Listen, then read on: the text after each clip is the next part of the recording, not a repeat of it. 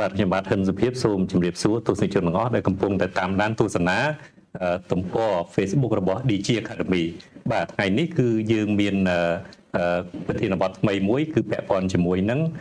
ការអនុវត្តការ អនុវត្តនៃយុទ្ធការឈានចូលទីផ្សារសមុទ្រខៀវ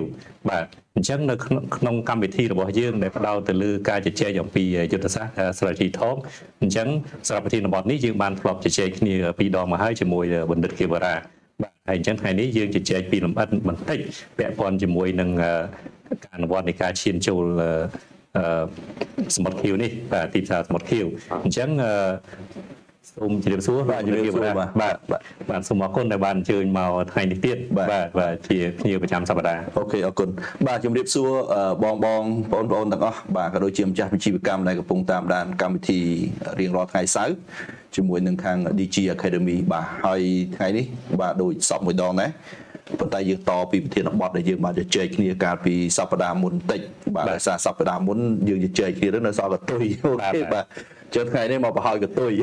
អញ្ចឹងគឺយើងឈានចូលដល់គេហៅថាដំណើររបស់វាបាទបាទមានដំណាក់កាលប្រមាណតែត្រូវតែធ្វើតាមដើម្បីធានាថាយើងមិនរំលងហើយយើងអាចធ្វើទៅបានជោគជ័យបាទ បាទអញ្ចឹងយើងយើងអាចគិតមើលថាអ្វីដែលយើងនិយាយគ្នាពីសាមុនបច្ចាក់ចេញពីទីផ្សារប្រកួតប្រជែងនៅក្នុង mass market នៅក្នុងអីនេះគឺនៅក្នុងនៅក្នុងការប្រកួតប្រជែងនៅក្នុងបែបយើងជាទូទៅយើងតែងហៅថាសមុទ្រក្រហមនៅពេលដែលទីផ្សារសមុទ្រក្រហមជួស្ដាប់គឺទីផ្សារឆ្អែតរៀងរៀងខ្លួនបាទឆ្អែត not មានតែឆ្អែតហើយវាអត់ទៅមុខទៀតមានន័យថាបើនិយាយអត់ទៅមុខចង់និយាយថា សំដៅទៅលើការរកចំណូលរបស់ក្រុមហ៊ុនវាអត់ទៅមុខមានន័យថានៅពេលដែលដល់ដំណាក់កាលមួយគឺក្រុមហ៊ុនតែងតែចំណូលរបស់ខ្លួនឯងហ្នឹងគឺនៅក្នុងលក្ខណៈមួយគឺហៅថាលែងទៅមុខបាទនិយាយចំទៅគឺ hit the ceiling បាទអញ្ចឹងនៅពេលដែល revenue របស់ក្រុមហ៊ុនមួយវាលែងទៅមុខវាមានបញ្ហាគឺវាមានរឿងពីរបាទរឿងទី1វាអាច វាអាចនៅទៅទេបើកាលណាក្រុមហ៊ុនឯងនៅទេមានន័យថា net profit bottom line ណាបាទយើងនិយាយថាពី net profit គឺអាការប្រាក់ចំណេញចុងក្រោយហ្នឹងឯងគឺវាអាចនៅ sustain ឬមួយក៏វាអាច grow តិចតួចឬមួយក៏វាអាចថយចុះបើសិនជា revenue បាទចំណូលនៅ sustain មានថាចំណូលនៅថេ net profit នៅថេ មានថាអាហ្នឹង still survive អូខេអញ្ចឹងយើង survive របៀបហ្នឹងយើងហៅថាយើង survive នៅក្នុង mass market យើង survive នៅក្នុងទីផ្សារសមុទ្រក្រហមបាទហើយកាលណាអញ្ចឹងយើងបាននិយាយគ្នាសាមុនថាវាគឺជា alarming និយាយចំសម្រាប់ជាក្រុមហ៊ុនគឺ alarming alarming មានន័យថាអឺ revenue បើកាលណាវាដល់កម្រិតមួយដែលវាឡើងឡើងឡើង វានឹងធ្លាក់ចុះមកវិញបាទវានឹងធ្លាក់ចុះនៅពេលដែលអឺគុក ដៃគូប្រកួតប្រជែងរបស់យើងនឹងឯងគឺអាចដណ្ដើមអតិថិជនរបស់យើងបានបាទបាទហ្នឹងជាចំណុចមួយដែលដែលដែល alarming បាទហើយចំណុចដែលសំខាន់ជាងគេនោះ គឺបញ្ហាបើកាលណា revenue នៅទៅទេនៅទេហើយ net profit របស់ក្រុមហ៊ុន គឺវាខេគឺវានៅល្អតែបើសិនជា net profit នឹងឯងចាប់បានធ្លាក់ចុះទៀតអានឹងឯងគឺកាន់តែព្រួយបារម្ភខ្លាំងជាងគេមែនទែនអ្វីដែល ព្រួយបារម្ភខ្លាំងជាងគេនោះគឺតកតងជាមួយនឹងលំហូរសាច់ប្រាក់មានថា cash flow របស់ក្រុមហ៊ុនមួយគឺអាចនឹងជួបបញ្ហាបាទអញ្ចឹងបើយើងមើលពី company មួយមួយអឺយើងនិយាយគ្នាអំពី company គឺហៅថាសុខភាពហិរញ្ញវត្ថុគឺសំខាន់ជាងគេអញ្ចឹងដែលតកតមួយសុខភាពហិរញ្ញវត្ថុនេះគឺត្រូវការមើលទៅលើ revenue ទៅលើ EBITDA ហើយនៅលើអា profit after tax គឺអា net income របស់យើងនឹងឯងអញ្ចឹង អឺអ្វីអ្វីគឺវាចាប់ផ្ដើមចេញមកពីទីផ្សារមុនមិនចឹងជា revenue ជាជាចំណូលរបស់ក្រុមហ៊ុនគឺវាចាប់ផ្ដើមមុនគេអញ្ចឹងនៅក្នុងយុទ្ធសាស្ត្រសមុទ្រខៀវគឺយើងបាននិយាយគ្នាពីសារមុនគឺគឺយើងនិយាយទៅលើ strategy ធ្វើម៉េចដើម្បីឲ្យបានចំណូលមកបាទបាទអញ្ចឹងបានចំណូលមក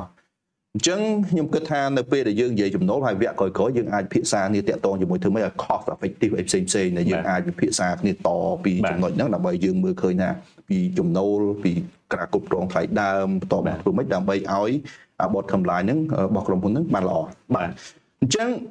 ជា recap កាលពីអ្វីដែលយើងបានពិភាក្សាគ្នាកាលពីពីពីពីដងរួចមកហើយបាទអញ្ចឹងនៅក្នុងថ្ងៃនេះដែលយើងបាននិយាយគ្នាថាប្រហើយកតុយហ្នឹងគឺយើងចង់និយាយថានៅពេលដែលយើងចូល ចាប់ផ្ដើមចូលនៅក្នុងឈានចូលទៅក្នុងសមុទ្រខៀវនេះតើយើងមានចំណុចប្រមាណដែលយើងត្រូវការចាប់ផ្ដើមអញ្ចឹងនៅក្នុងបរិបទទិសដីនៅក្នុងបរិបទដែលបានកំណត់ដោយដោយទិសដីដែលដែល common practice ក៏ដូចជាអ្នកដែលរៀបចំសភៅរៀបចំយុទ្ធសាស្ត្រនៅក្នុងសមុទ្រខៀវនេះគឺគេឲ្យមាន5ចំណុចដែល5ចំណុចនេះសំខាន់សំខាន់មែនទែនប៉ុន្តែគ្រាន់ថា5ចំណុចនេះជា5ចំណុចគោលបាទ បាទអញ្ចឹងជាអ្នកយុទ្ធសាស្ត្រมันអាចថាខ្ញុំដឹងតែប្រើតែ5ហ្នឹងឯងអញ្ចឹងអាចប្របាយទៅ10ឬមួយក៏ប្របាយទៅ15 10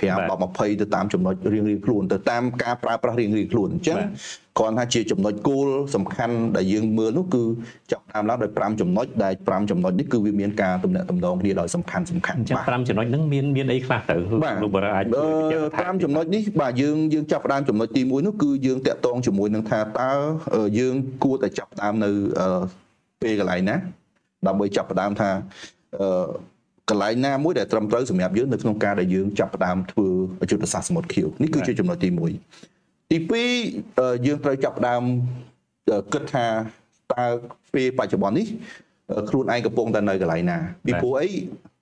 យុទ្ធសាស្ត្រសមុទ្រខៀវយើងបានដឹងគឺវាចាក់ចេញពីសមុទ្រក្រហមបាទមិនមែនមានន័យថាក្រុមហ៊ុនថ្មីមកប្រើយុទ្ធសាស្ត្រសមុទ្រខៀវឯមែនអញ្ចឹងទេបាទ មានន័យថាគឺគឺចាប់ចេញចេញពេញពីសមុទ្រក្រហមបាទអញ្ចឹងមានន័យថាត្រូវតែមើលខ្លួនឯងត្រូវតែស្វែងយល់ខ្លួនឯងថាក្រថ្ងៃហ្នឹងខ្លួនឯងនៅកន្លែងណាមួយហ្នឹងគឺជាចំណុចទី2ដែលដែលត្រូវវិភាគចំណុចទី3គឺយើងត្រូវតែសម័យមើលថាតើយើងគួរតែទៅ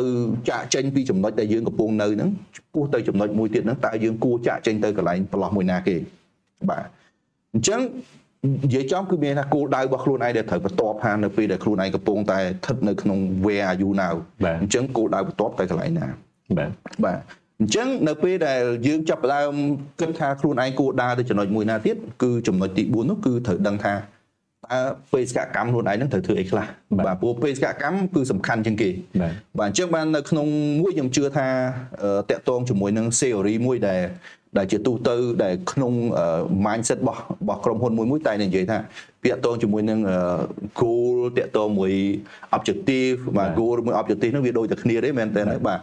តកតមួយ mission ខ្លួនឯងបាទអញ្ចឹង mission ហ្នឹងគឺសំខាន់ណាស់ខ្លួនឯង set objective របស់ខ្លួនឯងហីអញ្ចឹង objective គាត់ថា set ទេ goal គាត់ថា set ទេបាទអញ្ចឹង អឺប៉ុន្តែអា mission ខ្លួនឯងដែលត្រូវដើរនោះអញ្ចឹងវាមានរឿងអីគេខ្លះទៀតនៅក្នុងត្រូវដើរ mission គឺសំខាន់ជាងគេបើសិនជាយើងរៀបចំអា mission របស់ខ្លួនឯងនឹងអត់បានស្រួលបួទេគឺអាហ្នឹងជាបញ្ហាមួយដែរអញ្ចឹងអាហ្នឹងឯងគឺជាចំណុចមួយដែលគេថាយើងត្រូវ find the way where and how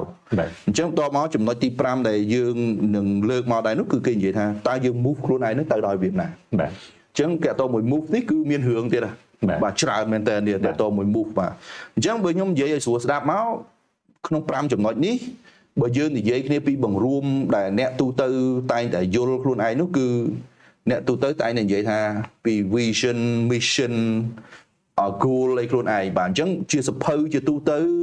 ជា series ទូទៅ គឺគេគេច្រើនតែប្រើពាក្យ3ហ្នឹងដែលដែលដែលអ្នកទាំងអស់គ្នានឹងច្រើនច្រើនទិញចាំមាត់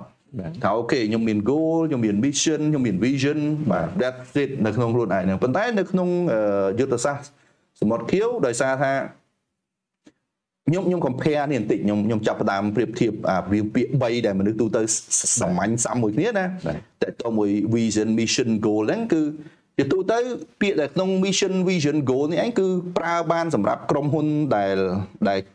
ដែលថ្មីចេះហ្មងគឺគេចេះចាប់ដើមមានអាហ្នឹងក្រុមហ៊ុនដែល existing ក៏គេមានអាហ្នឹងដែរបាទប៉ុន្តែបើបងមើលថាសម្រាប់ក្រុមហ៊ុនថ្មីចាប់ដើមដំបូងភ្លាមថ្មីចេះហ្មងចាប់ដើមដំបូងភ្លាមគេចាប់ដើមសេ business plan ភ្លាមគេគេ set 3ចំណុចហ្នឹងគេ what is your goal what is your vision what is your mission មែនទេប៉ុន្តែអឺនៅពេលដែល existing existing company ឧបមាថាពីមួយឆ្នាំទៅមួយឆ្នាំ ក៏គេមានអា goal គេមានអា vision mission នឹងដូចគ្នាបាទថាបាទថាឆ្នាំ2021អញ្ចឹងសម្រាប់ឆ្នាំ2022អាហ្នឹងគេយ៉ាងម៉េច បាទអញ្ចឹងបើមិនខ្ញុំធៀបអាហ្នឹងមកអាហ្នឹងគឺជាបរិបទមួយធំនៅក្នុងក្រុមហ៊ុនមួយដែលត្រូវគិតអញ្ចឹងនៅក្នុងបរិបទដែលខ្ញុំនិយាយ5ចំណុចមិញនៅក្នុង Blue Ocean នេះបាទគឺជាគឺជាគេហៅថាអង្គន់បើនិយាយចំគេហៅថាយុទ្ធសាស្ត្រអង្គន់ជាបំណៃទូចទូចបាទដើម្បីធ្វើម៉េចឲ្យអាធំរបស់ខ្លួនឯងហ្នឹងប្របែកចេញមកដើម្បីឲ្យអាហ្នឹងឯងវាវាវាចាប់ផ្ដើមមួយមានប្រសិទ្ធភាពហើយនឹងទទួលបានផលល្អទៅតាមចំណុចដែលគេគួរតែចាប់ផ្ដើមអញ្ចឹងឯងបានជា នៅក្នុង theory ជាទូទៅនៅក្នុងការអនុវត្តជាទូទៅការពីមុនពីមុនមកបើនិយាយពីនៅក្នុងលក្ខណៈជា traditional way គឺដែលប្រើមកទល់រាល់ថ្ងៃហ្នឹងជាទូទៅគឺយើងនៅតែតែងយកពាក្យថា goal mission vision នេះយកមកប្រើដូចគ្នាបាទប៉ុន្តែនៅពេលដែលគេយើងប្រើអាហ្នឹងនៅក្នុង mass market យូរទៅអឺយុទ្ធសាស្ត្រសមុទ្រខៀវដែលចេញមកហើយដែលល្បីដែលគេយកមកប្រើនៅក្នុងអតតិចរបស់ហ្នឹងឯង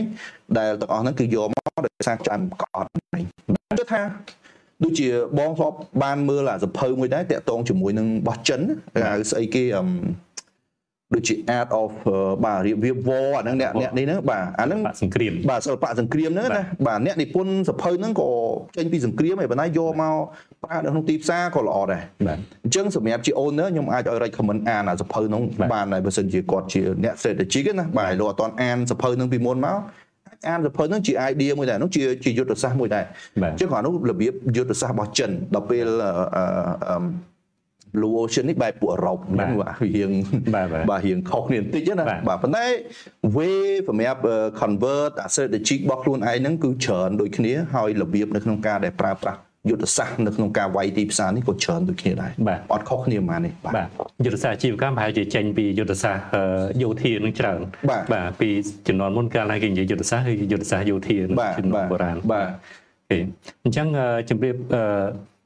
សួរលោកអឺបុរាណបន្តទៀតពាក់ព័ន្ធជាមួយនឹងអាដំណើរទាំង5ហ្នឹងបាទជំហានទាំង5ដែលថាបាទដើម្បីអនុវត្តអឺអឺ ការឈានចូលក្នុងអឺទីផ្សារសមុទ្រខៀវហ្នឹងបាទតែទីមួយយើងផ្ដោតទៅលើការចាប់អឺថាយើងចាប់កន្លែងដើមកន្លែងណាបាទទៅកន្លែងណាអឺបាទស្ថានភាពយើងបច្ចុប្បន្នយ៉ាងម៉េចបាទហើយយើងចង់ទៅដល់ណាបាទហើយសម័យបាទសម័ហើយយតើវិធីវិធីយើងមានវិធីអីដើម្បីទៅដល់ហ្នឹងបាទហើយនឹងការសម្រេចចិត្តជ្រើសរើសហើយចេះអនុវត្តទៅចេះអនុវត្តទៅបាទបាទអញ្ចឹងចាប់ផ្ដើមពីជំហានទី1មានទី1គឺពាក់ព័ន្ធជាមួយនឹងថាយើងចាប់ផ្ដើមនៅកន្លែងណា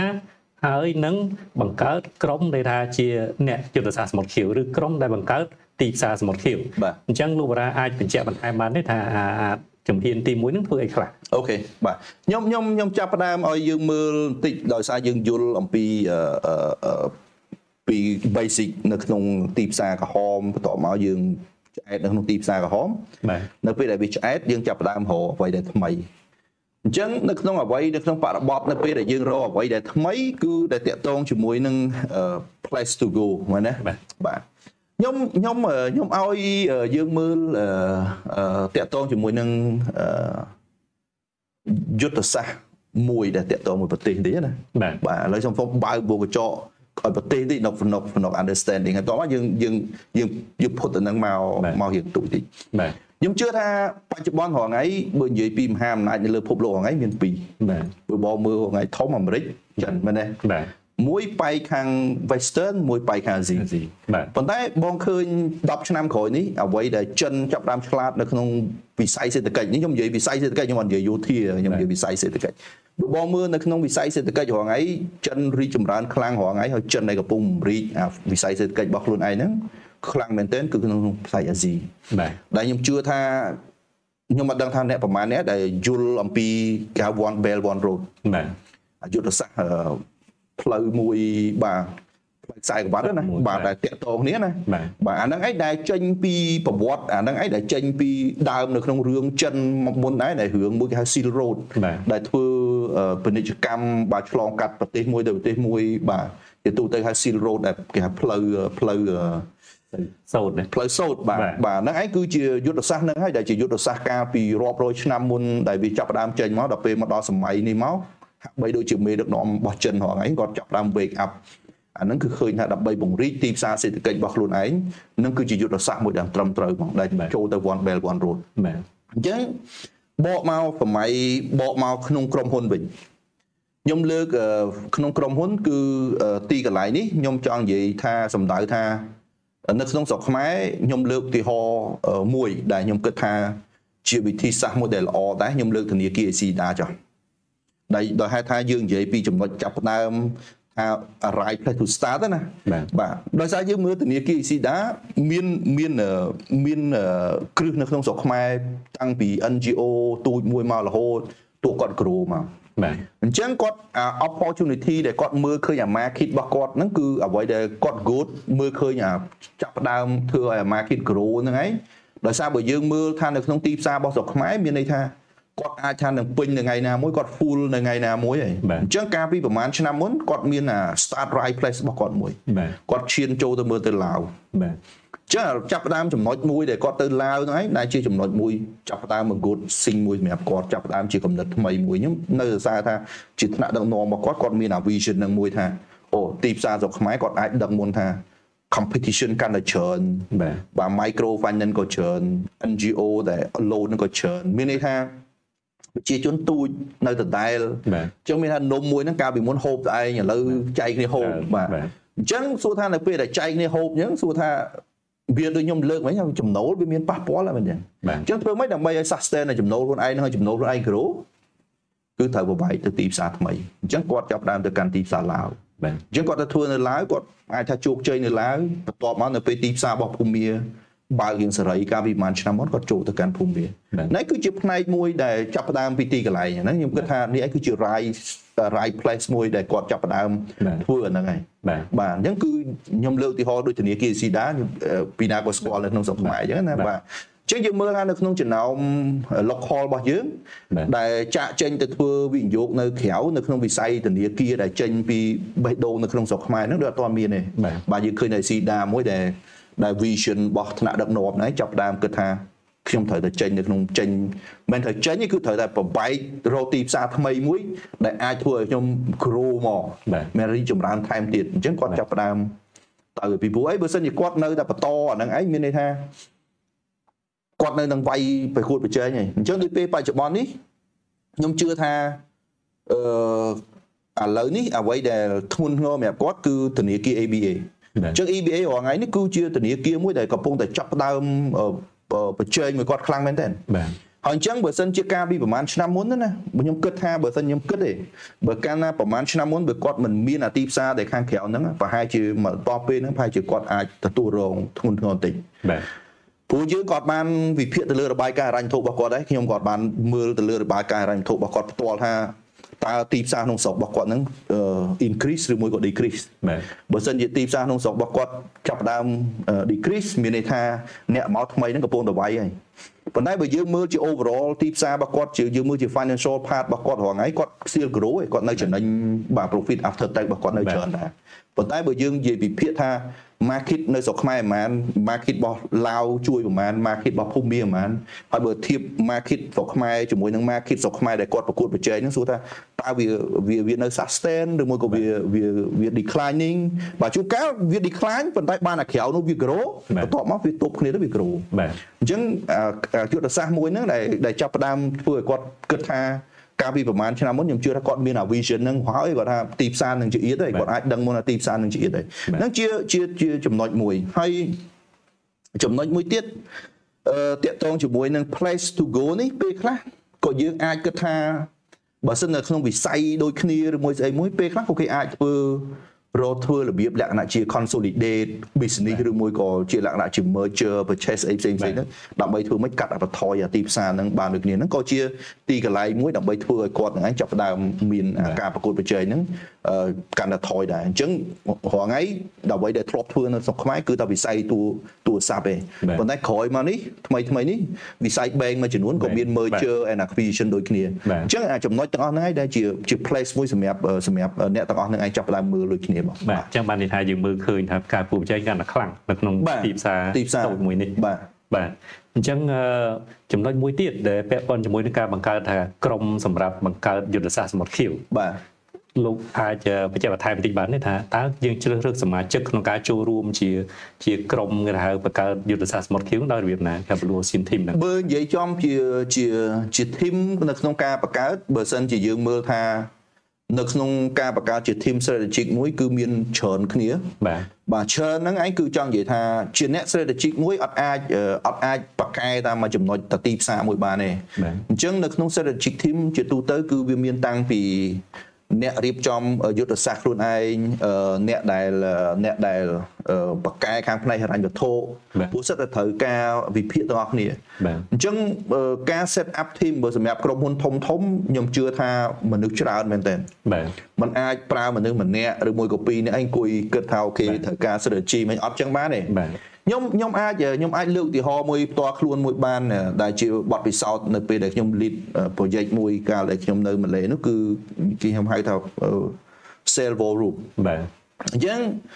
នៅក្នុង sale war room របស់ខ្ញុំដែលខ្ញុំ set កាលនោះឯងបាទគឺ project ហ្នឹងគឺថ្មីបាទថ្មីកាលនោះគឺចង់និយាយថានៅក្នុងម៉ាឡេគឺយើងចែកតំបន់ប្រហែលជា5 6តំបន់ផ្សេងផ្សេងគ្នាអញ្ចឹង កាលពីមុនគឺយើងមើលទៅលើ mass market ដូចគ្នាអញ្ចឹងយើងយើងអត់ដឹងទេអញ្ចឹងបងនៅក្នុងទីផ្សារហ្នឹងខ្ញុំនៅក្នុងទីផ្សារហ្នឹងអ្នកដតីក៏នៅក្នុងទីផ្សារហ្នឹងដូចគ្នាអញ្ចឹងណាប៉ុន្តែនៅពេលដែលយើង set up អា system ហ្នឹងឡើងគឺដើម្បីយើងយើង monitor ថាតំបន់ហ្នឹង តើយើងខ្លាំងប៉ុណ្ណា competitor ខ្លាំងប៉ុណ្ណាបាទអញ្ចឹងមានថាជា war zone មកហ្នឹងគឺយើង create war zone មកដូចដូចកន្លែងសមរភូមិត្រៀមដែរបាទហើយនៅក្នុងហ្នឹងខ្ញុំអាចនិយាយថាបន្ទប់ហ្នឹងក៏បាទប្រហែលជាបន្ទប់ studio របស់បងបាទអញ្ចឹងយើងមានយើងមាន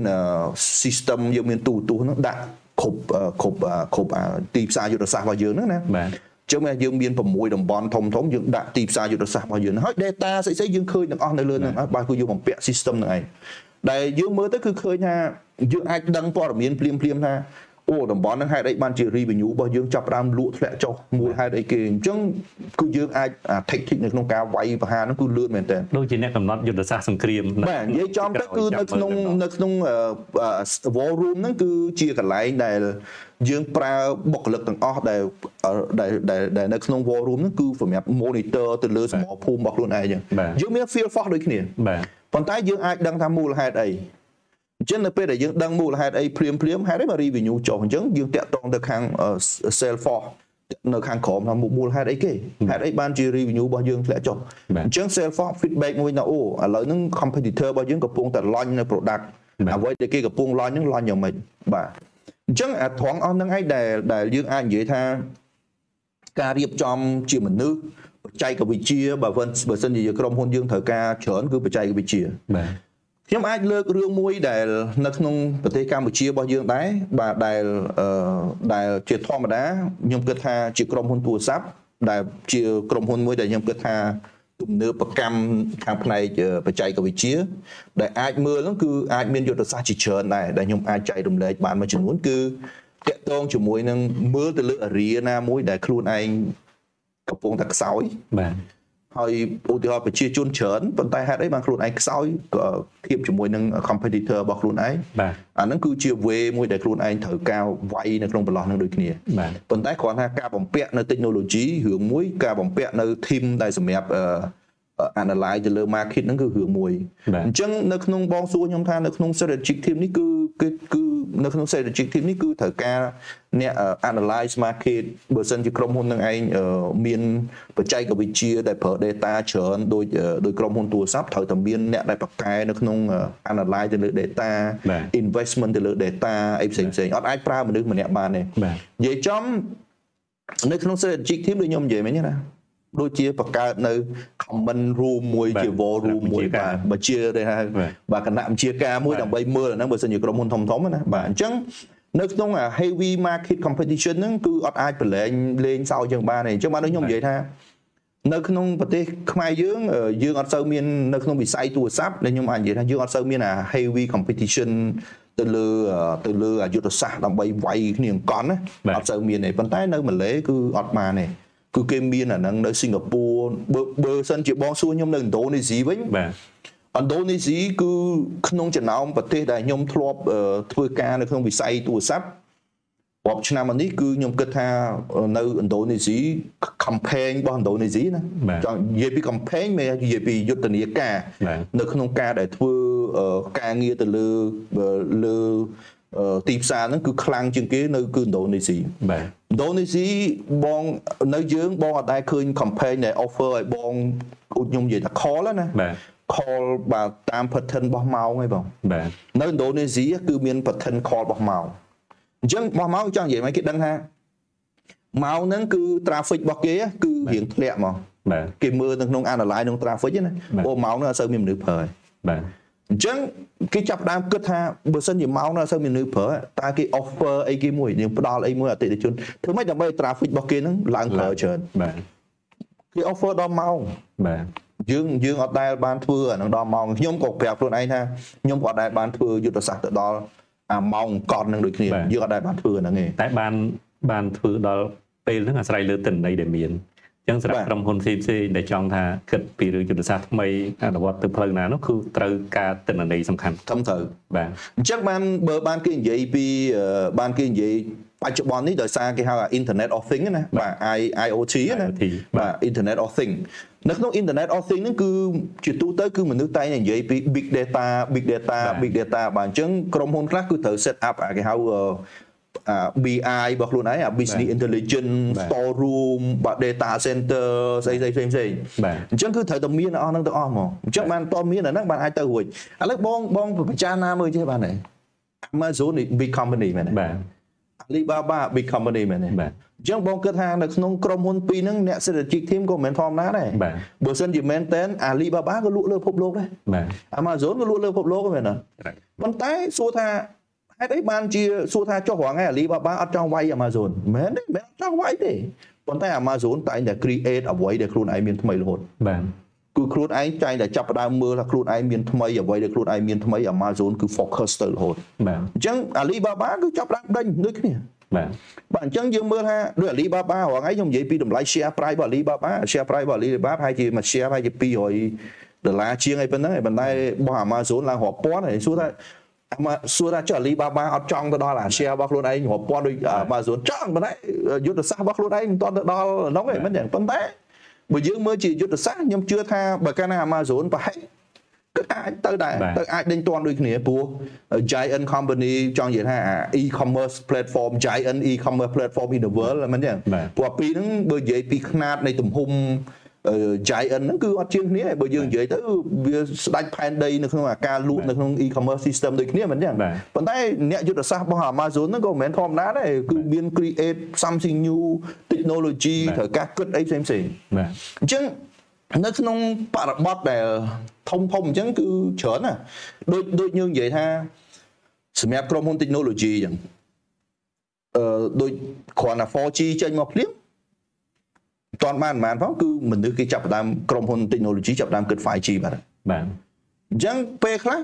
ខ្ញុំឧទាហរណ៍ថាពេលខ្លះអាក្រុមហ៊ុនអស់ហ្នឹងដើរមុនបាទឥឡូវបងមើលបងមើលបន្តិចថាតកតមួយ 5G technology ដែលដែលដែលដែលអាមេរិកក្រុមហ៊ុនជាក់ជាច្រើនរបស់អាមេរិកប្រហែលខ្លួនណាណាបាទឥឡូវបងគិតមើលថារាប់ឆ្នាំទាំងអស់ technology បងមើល GSM ប្រព័ន្ធ GSM មិននៅណានៅអាមេរិកបាទ ITU នៅណានៅអាមេរិក អញ្ចឹង system ដែលដើមឡើយដំបូងមកគឺចេញពីអាមេរិកអាអង្គការធំធំៗហ្នឹងនៅនៅអាមេរិកទាំងអស់មែនទេពីមុនមកអឺអឺ Huawei អត់ដែល lead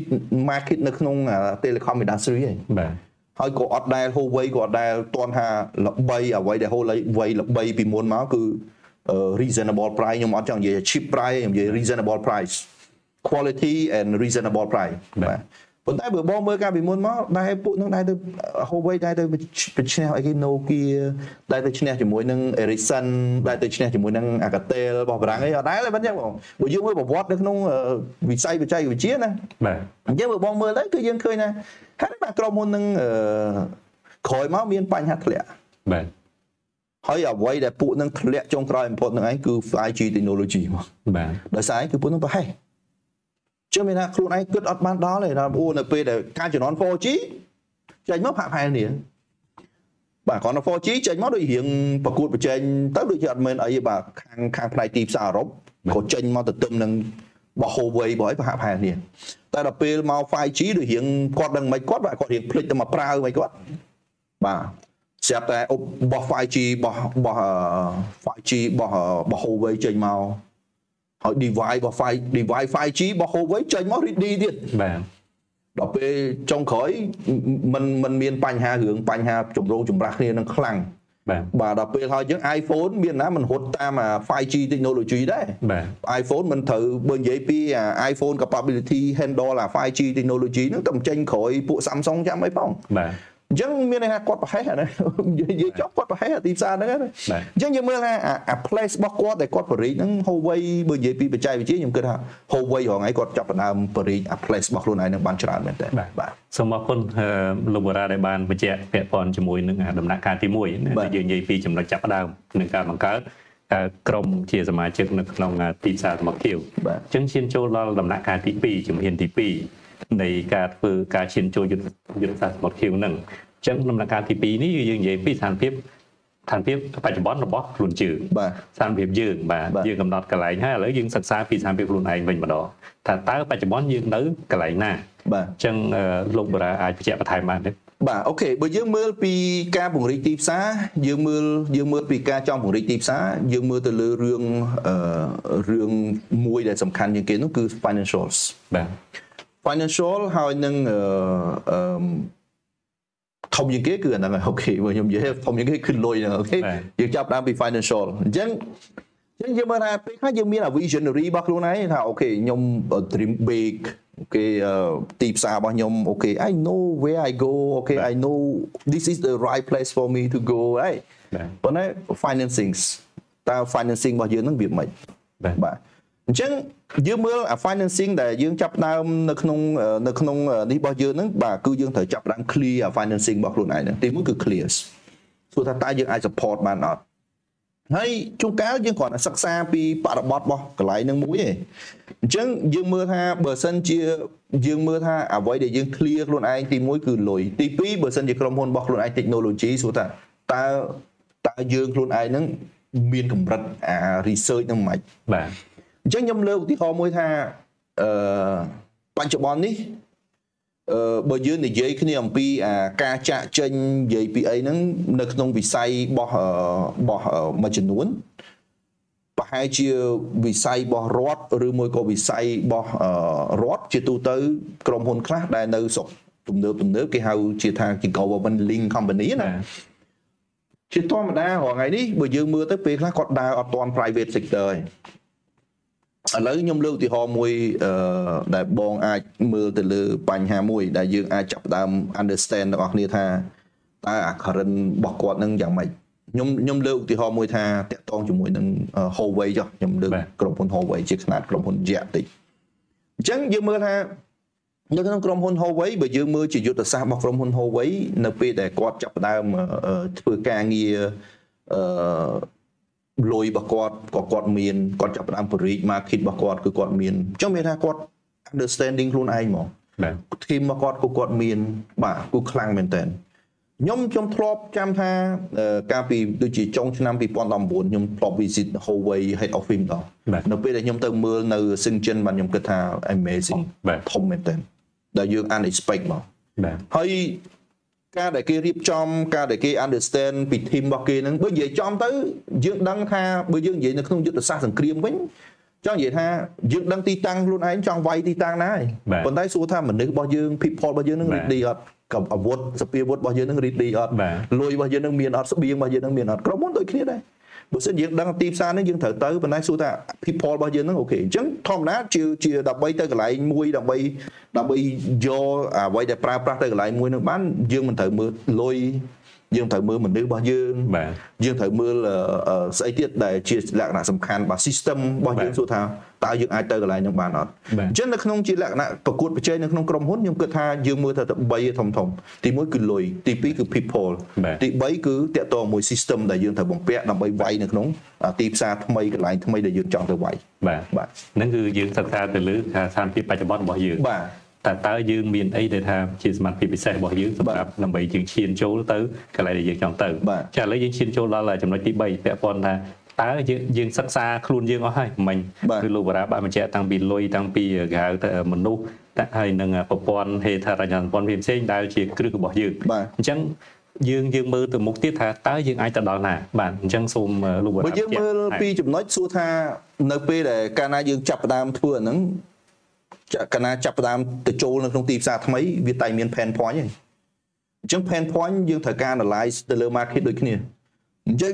ខ្ញុំចាំថាបើជាអ្នកយុទ្ធសាស្ត្រមានរឿង analyze ច្រើនណាស់ market មុននឹងចូលទៅដល់ market របស់មួយទីតាំងរបស់មួយផ្សេងផ្សេងហ្នឹងគឺអ្នក market គឺច្រើនណាស់អឺ ខ្ញុំខ្ញុំខ្ញុំចាំថាប្រហែលជាយើងអាចយករឿងមួយថ្ងៃណាមួយយើងយកគ្នាមកនិយាយដែរបងពេលបងសួរខ្ញុំនៅចំណុចហ្នឹងខ្ញុំនឹកឃើញចំណុចមួយបាទប្រហែលជាយើងអាចនិយាយគ្នាអំពី pastels បាទចាំលើកក្រោយដឹងហើយអូខេគ្នាបាទអញ្ចឹងនៅក្នុងនៅបាទអ្នកដែលអត់យល់ pastel ប្រហែលជារៀងពិបាកថាស្អីគេ pastel ហើយបាទ អញ្ចឹងនៅក្នុង pastel គឺអឺគឺនៅក្នុងបើសិនជាយើងនៅក្នុងអឺទីផ្សារមួយដែលយើងចូលទៅក្នុងទីផ្សារថ្មីគឺជាទូទៅគឺចាប់ផ្ដើមអ្នក strategy គឺគេឲ្យមើលទៅលើ pastels អញ្ចឹង pastel គឺមើលទៅលើអឺអឺ people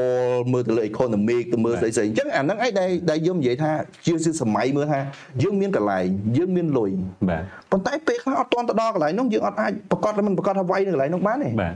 មូលហេតុគឺយើងត្រូវតែសិក្សាពីបរិបទ pastel នៅក្នុង business យើងហៅ pastel ណាបាទបរិយាកាសធំបាទបរិយាកាសធំនៅក្នុង pastel ហ្នឹងគឺយើងបរិយាកាសធំអញ្ចឹងកាលណាតែយើងសិក្សាអាហ្នឹងវាមាន pain point នៅក្នុងហ្នឹងហើយយើងដឹងចំណុចណាចំណុចខ្សោយចំណុចណាចំណុចខ្លាំងបាទជួនកាលប្រទេសខ្លះគឺល្អបាទប៉ុន្តែ regulation អត់ល្អទេបងបាទអាហ្នឹងគឺជាជាចំណុចមួយពេលដែលយើងទៅធ្វើវិនិយោគទុនពេលខ្លះអ្វីៗល្អប្រទេសធំជាជនច្រើន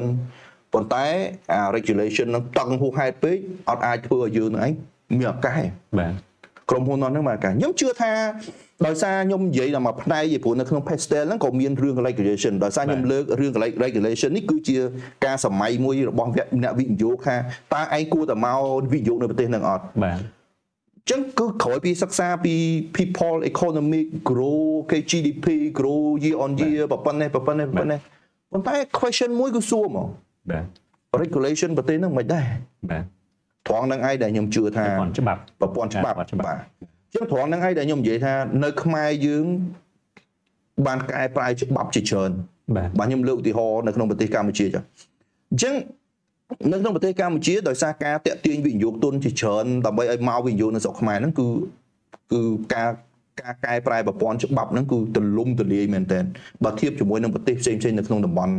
អាស៊ីគឺតឹងអឺគឺយើងទលំទលាយគឺយើងមានភាពតាក់ទាញអញ្ចឹងភាពតាក់ទាញរបស់យើងដែលខ្លាំងក្លាជាងគេនោះគឺការបន្ថបន្ធូរបន្ថយនៃការនាំពន្ធចូលបាទអញ្ចឹងក្រុមហ៊ុនខ្លះគឺមានលក្ខណៈពិសេសគឺនាំពន្ធនាំឲ្យបានចូលដោយអត់បង់ពន្ធបាទគេហៅអឺ QIP ណាបាទអា qualify អឺតកតងជាមួយនឹង qualify company ហ្នឹងឯងគឺនាំចូលមកគឺអត់បង់ពន្ធអញ្ចឹងអាហ្នឹងសិតតែជាការលើកទឹកចិត្តមួយដល់វិនិយោគទុនហ្មងហើយ ចំណុចពិសេសរបស់ប្រទេសខ្លះទៀតដូចយើងដែរបាទដូចតកតងមួយ EBA ដែលគេឲ្យយើងពីមុនពីមុនមកអញ្ចឹងឯងបាទអញ្ចឹងចំណុចទាំងអស់ហ្នឹងឯងដែលខ្ញុំលើកចង់និយាយថាជាចំណុច pain point ហើយនៅក្នុងចំណុចហ្នឹងដែលអ្នកអឺអ្នកសិក្សាពីចំណុច pain point អ្នកសិក្សាពីចំណុចនៃ imagine ថាតើយើងគួរតែទៅប្រទេសហ្នឹងយើងមានលុយយើងគួរសឹប1សឹប2យើងដើរហើយបាទសឹបទី3ហ្នឹងយើងត្រូវការទៅមើល pastel ដែលខ្ញុំបាទនិយាយថា pastel គឺជារឿងមួយដែល more analyze ទេប៉ុន្តែនៅក្នុង pastel នេះថ្ងៃនេះខ្ញុំដោយសារខ្ញុំចង់លើកតែចំណុចតែមួយគឺតាក់ទងជាមួយនឹងអឺអឺច្បាប់នៅក្នុងរបស់ប្រទេសមួយបាទអញ្ចឹងតម្រូវការនៅក្នុងច្បាប់របស់ប្រទេសមួយពេលខ្លះក៏អត់អាចឲ្យយើងចូលទៅបានដែរបាទបាទពិបាកនៅក្នុងការដែលយើងចូលទៅបានបាទព្រោះការពង្រឹងផ្លូវច្បាប់នៅក្នុងការដែលធ្វើវិនិយោគទុនហ្នឹងក៏យើងដាក់ទៅជួនកាលយើងធ្វើឲ្យអត់បានទេបាទអញ្ចឹងកន្លែងហ្នឹងខ្ញុំសុំកាត់បន្តិចដែលកន្លែងហ្នឹងគឺបានន័យថាយើងរកមើលចំណុចណាដែលរារាំង មិនឲ្យយើងឈានចូលទៅដល់ទីផ្សារបាទសមុទ្រខៀវបាទឬក៏ទីផ្សារធំមួយបានបាទទីផ្សារធំមួយខ្ញុំខ្ញុំលើកឧទាហរណ៍មួយទីផ្សាររបស់វៀតណាមចុះបាទវៀតណាម regulation តឹងមែនទេបាទអឺហើយខ្ញុំជឿថាអឺក្រុមហ៊ុនជាច្រើនរបស់បរទេសក៏យំនៅក្រុមហ៊ុននៅក្នុងវៀតណាមក៏ច្រើនដែរនៅក្នុងនោះក៏មានក្រុមហ៊ុន Millicom មួយដែរបាទ Millicom គឺជាក្រុមហ៊ុនទី1ខ្ញុំចាំថា បាទបងស្គាល់ Millicom ដោយសារ Millicom គឺជា parent company របស់ Cellcard កាលពីមុនបាទអូខេធ្វើ joint venture ជាមួយបាទនេះ joint venture មួយនឹង Cellcard ណាបាទអញ្ចឹង Millicom កាលពីមុនគាត់មាននៅវៀតណាមដែរបាទអញ្ចឹងនៅ regulation របស់វៀតណាមរបស់វៀតណាមគឺថាបើអ្នកឯងទៅទៅរកស៊ីនៅស្រុកខ្ញុំបើកាលណាអ្នកឯងអឺអឺផុតឲ្យខ្ញុំឲ្យ license 7ឆ្នាំហើយអាហ្នឹងត្រូវ transfer ឲ្យរដ្ឋាភិបាលព្រោះការជំនាន់នោះគឺនៅក្នុង license និយាយថា គេហៅ bill on transfer ណាបាទក្រោយពីកំណត់ period មួយនៅក្នុងការវិនិយោគក្រោយពីចប់ period ហ្នឹងគឺអ្នកឯងត្រូវ transfer ហ្នឹងឲ្យទៅរដ្ឋាភិបាលរបស់វៀតណាមបាទអចឹង Millicom គាត់គិតថាដូចប្រហែលជាមិនអីទេបាទអូខេដល់ពេលដល់ថ្ងៃមានណាវៀតណាមយកទាំងអស់អានេះ pain point មួយហ្មងអានេះទីផ្សារគាត់ថាចុះឯងបរិយាទីផ្សារបានល្អអូខេ go imagine ថា go success មានណា មកក្រោយមកមួយទៀតបងចាំក្រោយមកមួយទៀតអីគេ B line បាទបងចាំ B line ដែរបាទបាទ B line ក៏ក៏ក៏មាន suffer នៅទីផ្សាររបស់វៀតណាមដូចគ្នាឃើញទេបាទ regulation នៃមួយចំនួនទីផ្សារនៅវៀតណាមអាហ្នឹងជាបញ្ហាមួយដែលដែល pain point ដែរបងបាទបាទអញ្ចឹងសូមអរគុណដែលដែលលោកបានបញ្ជាក់ពីរឿងអឺចំណុចអឺទី3បាទបាទពាក់ព័ន្ធជាមួយនឹងអឺចំណុច pain point ហ្នឹងបាទអ្វីដែលវាកំណត់បាទមិនឲ្យយើងឈានទៅដល់ បាទហើយចំណុចសំខាន់នៃអឺផ្នែកជំហានទី3នេះគឺពាក់ព័ន្ធជាមួយតើយើងអាចទៅដល់កន្លែងណាបាទជាព្យាយាមគេហៅថាអឺបង្កើតទីផ្សារថ្មីសម្រាប់ខ្លួនឯង អញ្ចឹងចំណុចទី4ជំហរជំហានទី4ពាក់ព័ន្ធជាមួយនឹងអឺយុទ្ធអឺការឈានចូលយុទ្ធសាស្ត្រសមុទ្រខៀវនេះគឺយើងនិយាយពីហៅម្ដងវិធីបាទតើមានវិធីអីដែលយើងធ្វើដើម្បីឈានទៅដល់ការសម័យសម័យរបស់យើងការដែលយើងចង់មិនសម័យសម័យវែងជ្រុលទេគឺការសម័យសម័យមួយដែលយើងមើលឃើញដែលគិតថាយើងអាចឈានទៅបានដោយតែលើកមកពីមុនហ្នឹងបាទការការគិត right បាទបាទបាទបាទអញ្ចឹងយើងមើលថានៅក្នុងចំណុចទី3នេះខ្ញុំលើកពីចំណុចដែល pain point អញ្ចឹងនៅក្នុងចំណុច pain point គឺយើងត្រូវការគិតឲ្យបានលម្អិតខ្លាំងមែនទែននៅក្នុង pain point ដែលយើងគិតថាតើអ្វីដែលជា pain point ខ្លាំងជាងគេនៅពេលដែលយើងចូលទៅក្នុងទីផ្សារឬមួយក៏ចូលទៅក្នុងប្រទេសមួយដែលដែលយើងកំពុងតែដំណើរការទៅអញ្ចឹងនៅក្នុងនៅក្នុងនេះគឺគឺចង់និយាយថានៅក្នុងអាអាអា market boundary អីផ្សេងផ្សេងការប្រកួតប្រជែងផ្សេងផ្សេងអញ្ចឹងខ្ញុំលើកខ្ញុំលើកឧទាហរណ៍មួយថាប្រទេសខ្លះ យើងចង់ចូលទៅក្នុងប្រទេសហ្នឹងណាប៉ុន្តែ regulation ណាអត់ឲ្យអ្នកឯងអូន100%ទេបាទអញ្ចឹងអ្នកខ្លះក្រុមហ៊ុនខ្លះគាត់ថាអូខេខ្ញុំខ្ញុំចង់ចូលមកប្រទេសហ្នឹងប៉ុន្តែខ្ញុំនៅចង់ stick ខ្លួនឯងអូន100%ប៉ុន្តែ regulation ណានោះអ្នកឯងអត់អាចបានទេអាហ្នឹងជាជាជា boundary មួយមិនអញ្ចឹងបាទអញ្ចឹងធ្វើម៉េចដើម្បីបើខ្លួនឯងនៅចង់មកទៀតត្រូវធ្វើម៉េចអញ្ចឹងត្រូវតែមាន joint venture មួយ local ហើយ អាហ្នឹងត្រូវតែ restructure របស់ខ្លួនឯងឯងដើម្បីថាខ្លួនឯងចង់មកចូលនៅក្នុងប្រទេសមួយហ្នឹងគឺខ្លួនឯងត្រូវត្រូវតែចាប់ផ្ដើមអឺចាប់ផ្ដើមអឺ joint venture ជាមួយនឹងប្រទេសហ្នឹងទៅមួយទៀតអឺបើសិនជានៅក្នុងទីផ្សារស្រុកខ្មែរដូចគ្នាខ្ញុំឧទាហរណ៍ថា heavy competition ហ្នឹងវាច្រើនណាបាទអ្នកដែលកំពុងតែធ្វើទីផ្សារដូចគ្នានឹងច្រើនណាអញ្ចឹងធ្វើម៉េចដើម្បីឲ្យខ្លួនឯងនឹង strong ខ្លាំងមែនទែនអញ្ចឹងជាទូទៅគឺគេតែងតែមួយគឺចាប់ផ្ដើមធ្វើអីគេ merger and acquisition បាទអញ្ចឹងបានយើងមើលថានៅក្នុងតែទីផ្សារ develop របស់ប្រទេសមួយធំធំសម្បូរអារឿង merger acquisition ហ្នឹងគឺសម្បូរហ៎អានោះផ្លូវកាត់បាទផ្លូវកាត់ហើយអាហ្នឹងឯងគឺវាធ្វើឲ្យអាអាអា competitive market ហ្នឹងឯងគឺវារួមទូចបាទចឹងមានថាដំបងមហាផាគ្នាបើសិនជាខ្ញុំដូចមកឥឡូវបងឲ្យខ្ញុំដំបងដៃគូប្រកួតប្រជែងបាទ1 2 3អ្នកឧទាហរណ៍បាទអញ្ចឹងដំបងប្រកួតផាផាគ្នាឬមួយក៏ដំបងបងខ្ញុំ រៀងទូចទូចទេនោះគេ number 1ហ្នឹងណាបាទអញ្ចឹងបងឲ្យខ្ញុំអាច number 2 number 3ឧទាហរបាទណ៍អញ្ចឹងសួរថាបងឲ្យខ្ញុំគិតថាហឹមបើសិនជាយើងនៅអញ្ចឹងទៀតយើងនៅតែវាយ3អញ្ចឹងហើយសុយវាយអត់ឈ្នះមួយនោះទេបាទអញ្ចឹងបងឲ្យខ្ញុំអាចអង្គុយគិតហ่ะឥឡូវចូលនេះហ្មងទៅអញ្ចឹងចាំវាយជាមួយនឹងផ្ដួលអូខេបាទអញ្ចឹងមើលចេះ acquisition ហ្នឹងអញ្ចឹងពីមុន market ហ្នឹង3ចែកនេះឥឡូវតែ2ដែរ2ដល់ពេលជួនកាលបងឲ្យខ្ញុំមើលចូលនេះមក market ហ្នឹងយើងធំជាងនោះបាត់ហើយអញ្ចឹងចង់ចង់នោះឯងគឺទៅឆ្ងាយពីយើងបានអានេះគឺជាយុទ្ធសាស្ត្រមួយដែរនៅក្នុងនៅក្នុង merger acquisition ហ្នឹងហើយនៅក្នុង merger acquisition នេះគឺចូលចិត្តប្រើច្រើនណាស់នៅក្នុងប្រទេសអឺពិវត្តដែលដែលគេគិតថា company នឹងឯងមើលទៅតែវាលែង grow មើលទៅវារៀងពិបាកខ្លាំងមែនតើអញ្ចឹងគេចាប់ផ្ដើមរកដៃគូដើម្បីមើលចូលនេះហើយគេចាប់ផ្ដើមពង្រួមមកទីផ្សារហ្នឹងជាភាពជោគជ័យមួយដែរនៅក្នុងហ្នឹងហើយបាទបងបាទបាទបាទសូមអរគុណឥឡូវយើងឈានចូលដល់អឺ ចំណុចចុងក្រោយគឺជំហានអឺទី5បាទពេលនេះគឺថាយើងបានកំណត់អីអស់ហើយទី1តាំងពីយើងថាចាប់ផ្ដើមថាចាប់ផ្ដើមកន្លែងណាអឺចំណុចទី2អឺជំហានទី2យើងដឹងថាខ្លួនយើងនៅទីណាទីណាបាទទី3យើងចង់ទៅណាបាទទី4ថាយើងទៅដោយរបៀបណាហើយទីបាទ5គឺសម្រាប់ចិត្តទៅតែម្ដងបាទបាទអញ្ចឹងអឺ លោកអាចបញ្ជាក់បន្ថែបាទមយើងយើងមើលថានៅក្នុងនៅក្នុងបរិបទនៅក្នុងការធ្វើពាណិជ្ជកម្មនៅពេលដែលយើងចាប់ផ្ដើមមើលទៅលើ step ទាំងអស់ទាំងអស់1 2 3 4បាទដែលយើងបាននិយាយនៅខាងលើមិញហ្នឹងហើយដូចខ្ញុំលើកពីដើមដើមអញ្ចឹង1 2 3 4ហ្នឹងប្របែកបានច្រើនទៀតអូខេបាទបាទអញ្ចឹងអញ្ចឹងអ្នកយុទ្ធសាស្ត្រអាចទៅមើល ផ្សេងផ្សេងបាទទៅយកអឺ common practice នៅក្នុងកន្លែងផ្សេងផ្សេងយកមកប៉ុន្តែចុងក្រោយបំផុតយើងមើលថាតើយើងធ្វើម៉េចដើម្បីយើងចូលទៅក្នុងទីផ្សារហ្នឹងឲ្យបានជោគជ័យព្រោះយើងសម្រេចថាយើងត្រូវទៅដើម្បីជោគជ័យហ្នឹងមិនចឹងបាទបាទអញ្ចឹងយើងមើលនៅពេលដែលយើងជោគជ័យនៅក្នុងទីផ្សារគឺយើងត្រូវចាប់ផ្ដើមគិតពីបញ្ហាខ្លាំងជាងគេសួរថាអា competition នៅក្នុងទីផ្សារដែលយើងកំពុងទៅហ្នឹងតើមាន competition ខ្ពស់អត់ បើសិនជានៅក្នុងនោះលេងអ្វីដែលយើងកំពុងគិតយុទ្ធសាស្ត្រដែលយើងកំពុងគិតហ្នឹងលេងវានៅក្នុង heavy competition ដែរយើងទៅអាចស្លាប់របស់គេដែរវាអាចស្លាប់ដែរអញ្ចឹងអា market competition ហ្នឹងដែលដែលនៅក្នុងហ្នឹងដែលយើងចាប់ដើមមើលនៅរឿងនេះដែលខ្ញុំបានលើកចំណុចខាងដើមវិញខ្ញុំនិយាយពី pastel ណានៅក្នុង pastel ក៏គេមានវិភាគទៅលើអាខាងមួយផ្នែកមួយមួយទូចមួយដែលខ្ញុំនិយាយពីអាកន្លែងមិញហ្នឹងដែរបាទ អញ្ចឹងនៅក្នុងនៅក្នុងអា move ហ្នឹងឯងមានន័យថាជាធម្មតាជាជានៅក្នុង blue ocean ឬមួយក៏នៅក្នុង business ក៏ដោយគឺធម្មតាគឺគេអ្នកខ្លះគឺគេបើសិនជាក្រុមហ៊ុននឹងធំឬមួយអីមួយគេឲ្យធ្វើ test market បាទជាទូទៅគេហៅ pilot test pilot pilot project ឬមួយអញ្ចឹង test market អ្នកខ្លះគឺគេអត់អាចទៅភ្លាមបានភ្លាមទេអញ្ចឹងបានយើងមើលយើងមើលក្រុមហ៊ុនមួយចំនួនដែលវៃឆ្លាត ទាំងអស់នឹងឯងដែលគេចាប់ដើមដំបូងភ្លាមគេអត់មកដល់ភ្លាមគេអត់ចង់ធ្វើឲ្យបើកជាក្រុមហ៊ុនអីធំដុំទេពេលខ្លះគេមកគេធ្វើជា representative office បាទដូចមក serve ការអញ្ចឹងណាបាទ serve ចូល serve មករយៈសិនបាទបាទអញ្ចឹង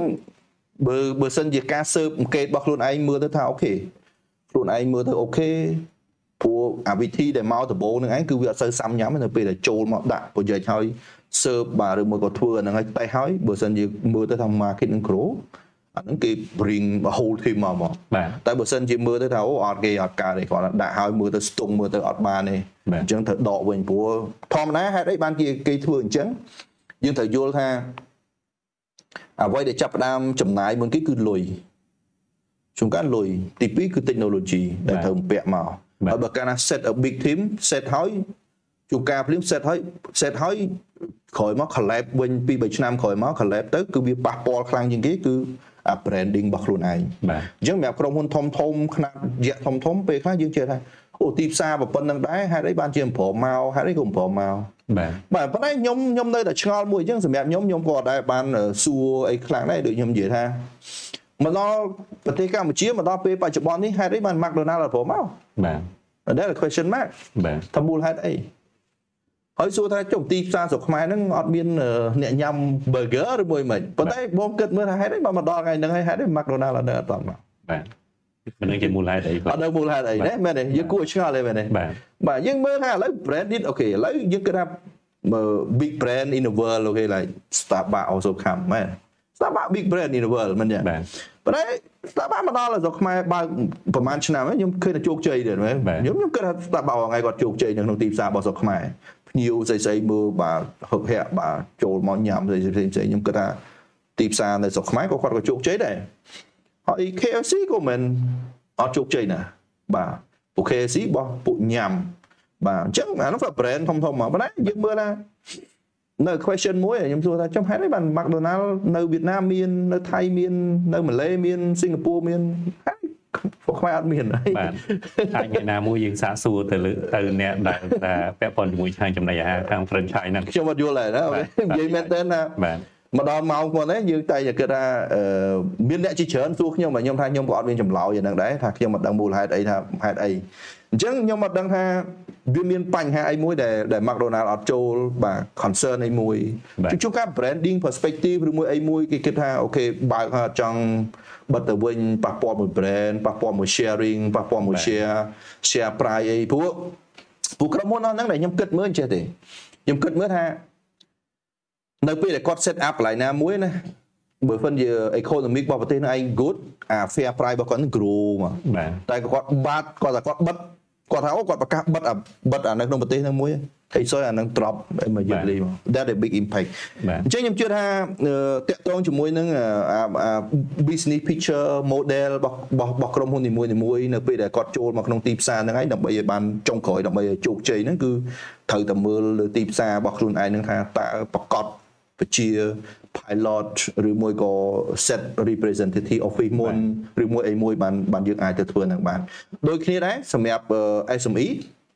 បើសិនជាយើងគិតថា product នឹងឯងជោគជ័យឬមួយអត់ជោគជ័យចង់ដឹងថាតើ product នឹងឯងអូខេអត់បាទខ្ញុំគិតថា start ពី pilot នឹងឯងជា technology ដូចគ្នាជាងយើងមើលថាខ្ញុំអាចនិយាយថាអឺមាន product មួយចំនួនរបស់វារបស់របស់ចិនក៏ក៏ fail ដែរខ្ញុំលើក product មួយប្រហែលជាជាទូទៅអឺ បងដឹងថាប្រព័ន្ធទូរស័ព្ទបើបងនិយាយពីប្រព័ន្ធទូរស័ព្ទបងស្គាល់ច្រើនបាទបងស្គាល់ GSM បាទ OK បងស្គាល់ CDMA បាទគេហ៎លឺបាទអូ CDMA អូខេបាទអូខេបើបងស្គាល់អឺនៅជប៉ុនគេហៅ system របស់ជប៉ុនមួយផ្សេងទៀតអញ្ចឹង system របស់ system នៅលើពិភពលោករាល់ថ្ងៃមាន3បាទអឺ GM GSMA ហ្នឹងគឺធំជាងគេរាល់ថ្ងៃដែលប្រើពេញលើពិភពលោកបាទ CDMA គឺ limit បាទ ហើយរបស់ជប៉ុនគឺគាត់មាន system មួយសម្រាប់ជប៉ុនមកកាលពីប្រហែលឆ្នាំមុនចិនបានបង្កើត system របស់ខ្លួនឯងមួយដែរគឺគេហៅថា CDS CDMA បាទហើយបាយនឹង pilot តេស្តនៅប្រទេសណាអត់នៅកណាដែរអូខេ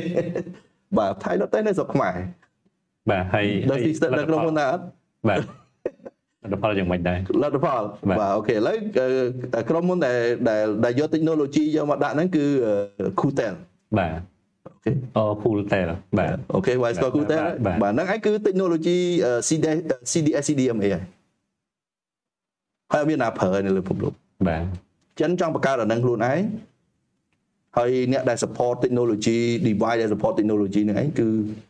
ZTE បាទ the main one បាទតបមក Huawei some support អញ្ចឹង pilot test អញ្ចឹងបើសិនជាគាត់ test នៅយើងជោគជ័យអូខេប្រហែលជាគាត់អាច move ទៅអញ្ចឹងបានន័យថាវាក្រុមហ៊ុនធំធំព្យាយាមតែបង្កើត standard មួយខ្លួនឯងបាទបាទ Giant ជាបង្កើតទីផ្សារខ្លួនឯងបាទក្រុមហ៊ុនជាដូចនៅក្នុងយុទ្ធសាស្ត្រសមុទ្រ Q ហ្នឹងគឺពាក់ព័ន្ធទៅនឹងរឿងការបង្កើតទីផ្សារហ្នឹងហើយហ្នឹងបាទមិនបញ្ចេញនៅក្នុងអអត់ទេក្រហមបាទ បាទអញ្ចឹងបានខ្ញុំខ្ញុំតិចខ្ញុំថាខ្ញុំខ្ញុំកាលពីប្រហែលគាត់កើតដំបូងមកអា system របស់គាត់ហ្នឹងណាបងចាំថាគូ tel មកដំបូងគូថោព្រោះហ្នឹងដូច0ក្បាល038បាទអូខេបាទប៉ុន្តែក្រោយមកយើងអត់មានណាគេប្រើទេដោយសារ system ហ្នឹងឯងគឺវាហើយអា CDS CDMA របស់គាត់ហ្នឹងវាដូចកូនខ្លាយចេញមកពីអា CDMA របស់អាមេរិកអញ្ចឹងបាទបាទអញ្ចឹងតែ technology ហ្នឹងថ្មីរបស់របស់ចិនរបស់មកបាទសូមអូខេបាទ អាហ្នឹងមួយអូខេខ្ញុំបង្ហើយមិនតិចបាទអឺបងស្គាល់ Zoom អូខេបាទបងដឹងចិនឥឡូវបង្កើត system មួយទៀត almost Zoom អូខ្ញុំមិនដែលដឹងអូខេបាទអឺឈ្មោះគេ system អឺគេមានឈ្មោះគេ system បាទខ្ញុំខ្ញុំអឺមានមួយទូចមួយទៀតណាឥឡូវហ្នឹងគឺនៅចិនហ្នឹងគឺ Zoom គឺលែងឲ្យប្រើហើយ Zoom very hard to use in China ណាបងពិបាកមែនតើអញ្ចឹងចិនគាត់បង្កើតអា system មួយហ្នឹងគឺកូនកាត់ដូច Zoom អញ្ចឹងទីផ្សារថ្មីរបស់ចិចេនបាទអញ្ចឹងការបញ្ចេញកាន់តែខ្លាំងពាក់ព័ន្ធនៅក្នុងហាផ្នែកបច្ចេកវិទ្យានេះខ្ញុំមើលជាទីផ្សារនៅពេលអឺតិចទៀតអឺ Microsoft គឺគាត់ព្យាយាមអឺ team develop team Zoom បែប mass market បាទយើងអត់ដឹងថា Apple គាត់នឹងចេញអីមកទេយើង not sure បែប Apple ថាយើងអាច Apple មានអឺស្អីគេអឺ comeback ជាមួយនឹងអា online platform នឹងដែរយើងអត់ទាន់ដឹងទេបាទហើយអឺ maybe Facebook អាច come out ជាមួយនឹង different platform ដែលសម្រាប់ផែននេះតែនៅក្នុងចំណោមឥឡូវនេះឯងគឺ team របស់ Microsoft Zoom Mass Market ឥឡូវនេះឯងគឺរបស់ចិនបាទថ្មីមកមកបាទ សូមអរគុណលោកបារ៉ាដែលបានបញ្ជាក់ពាក់ព័ន្ធជាមួយនឹងរឿងការវិវត្តនៃបច្ចេកវិទ្យានៃអូខេបងការវីដេអូ conference ធ្វើវីដេអូ conference នេះបាទអញ្ចឹងដោយសារកម្មវិធីយើងឈានចូលដល់អឺ ពេលវេលាសំលមមហើយអញ្ចឹងខ្ញុំមានសំណួរចុងក្រោយមួយទៀតបាទបាទពាក់ព័ន្ធនឹងរឿងការឈានចូលអឺយុទ្ធសាស្ត្រអឺឈានចូលទីផ្សារសមុទ្រខៀវនឹងដែរបាទអញ្ចឹងអឺយើងអនុវត្ត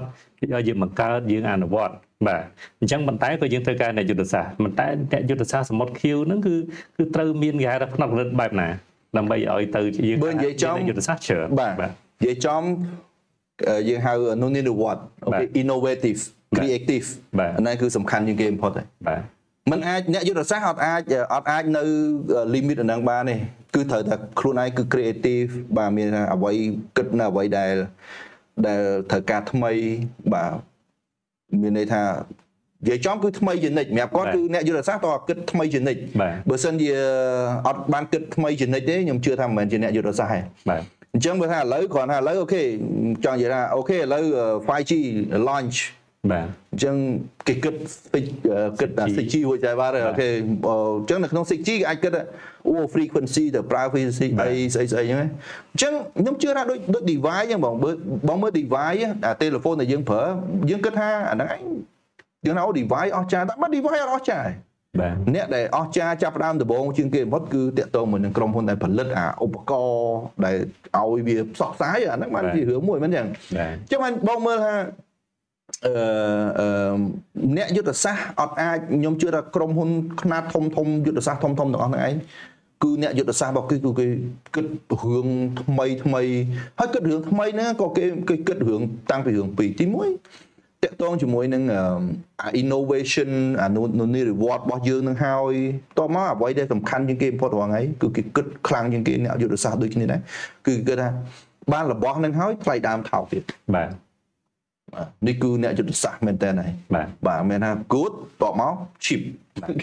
សូមអរគុណគ្រូបារាអូខេដែលបងបានបាទជួយមកចែករំលែកនៅថ្ងៃនេះបាទហើយអឺមិញយើងបានខ្ញុំសូមសរុបមកវិញបាទបាទអ្វីដែលយើងបានជជែកគ្នាពាក់ព័ន្ធជាមួយនឹងការអនុវត្តអឺយុទ្ធសាស្ត្រឈានចូលទីផ្សារសមុទ្រខៀវបាទដែលមាន5ដំណាក់កាលបាទអញ្ចឹងអឺសង្ខេបជូនបងប្អូនយើងអ្នកទស្សនាបន្តិចបាទទី1គឺយើងត្រូវកំណត់ថាតើយើងចាប់ផ្ដើមពីកន្លែងណា តែថាយើងបង្កើតក្រុម Blue Ocean Team បាទក្រុមដែលពិតសាសុខសម្បត្តិ Q ហ្នឹងបែបណាហើយទី2យើងដឹងថាតើយើងឈរជើងនៅកន្លែងណាបាទទី3យើងអាចទៅដល់ណា ទី4យើងអាចទៅដល់ទីនោះដោយរបៀបណាហើយទី5គឺអនុវត្តបាទជ្រើសរើសជំរើសហើយអនុវត្តតែម្ដងបាទអញ្ចឹងក្នុងពេលនេះដែរខ្ញុំសូមថ្លែងអំណរគុណបាទចំពោះទស្សនិកជនទាំងអស់ដែលបានតាមដានទស្សនារយៈពេលកន្លងមក ហើយអឺសូមអ่าជូនពរលោកអ្នកបានអ่าជួបទៅនឹងការសប្បាយរីករាយសម្រាប់ការសម្រាកបន្តបន្ទាប់នេះបាទជាពិសេសថ្ងៃបុណ្យទិវាសិនរីសូមបានរីករាយសប្បាយក្នុងគ្រួសារបាទហើយក៏សូមអរគុណលោកបារ៉ាដែលបានចំណាយពេល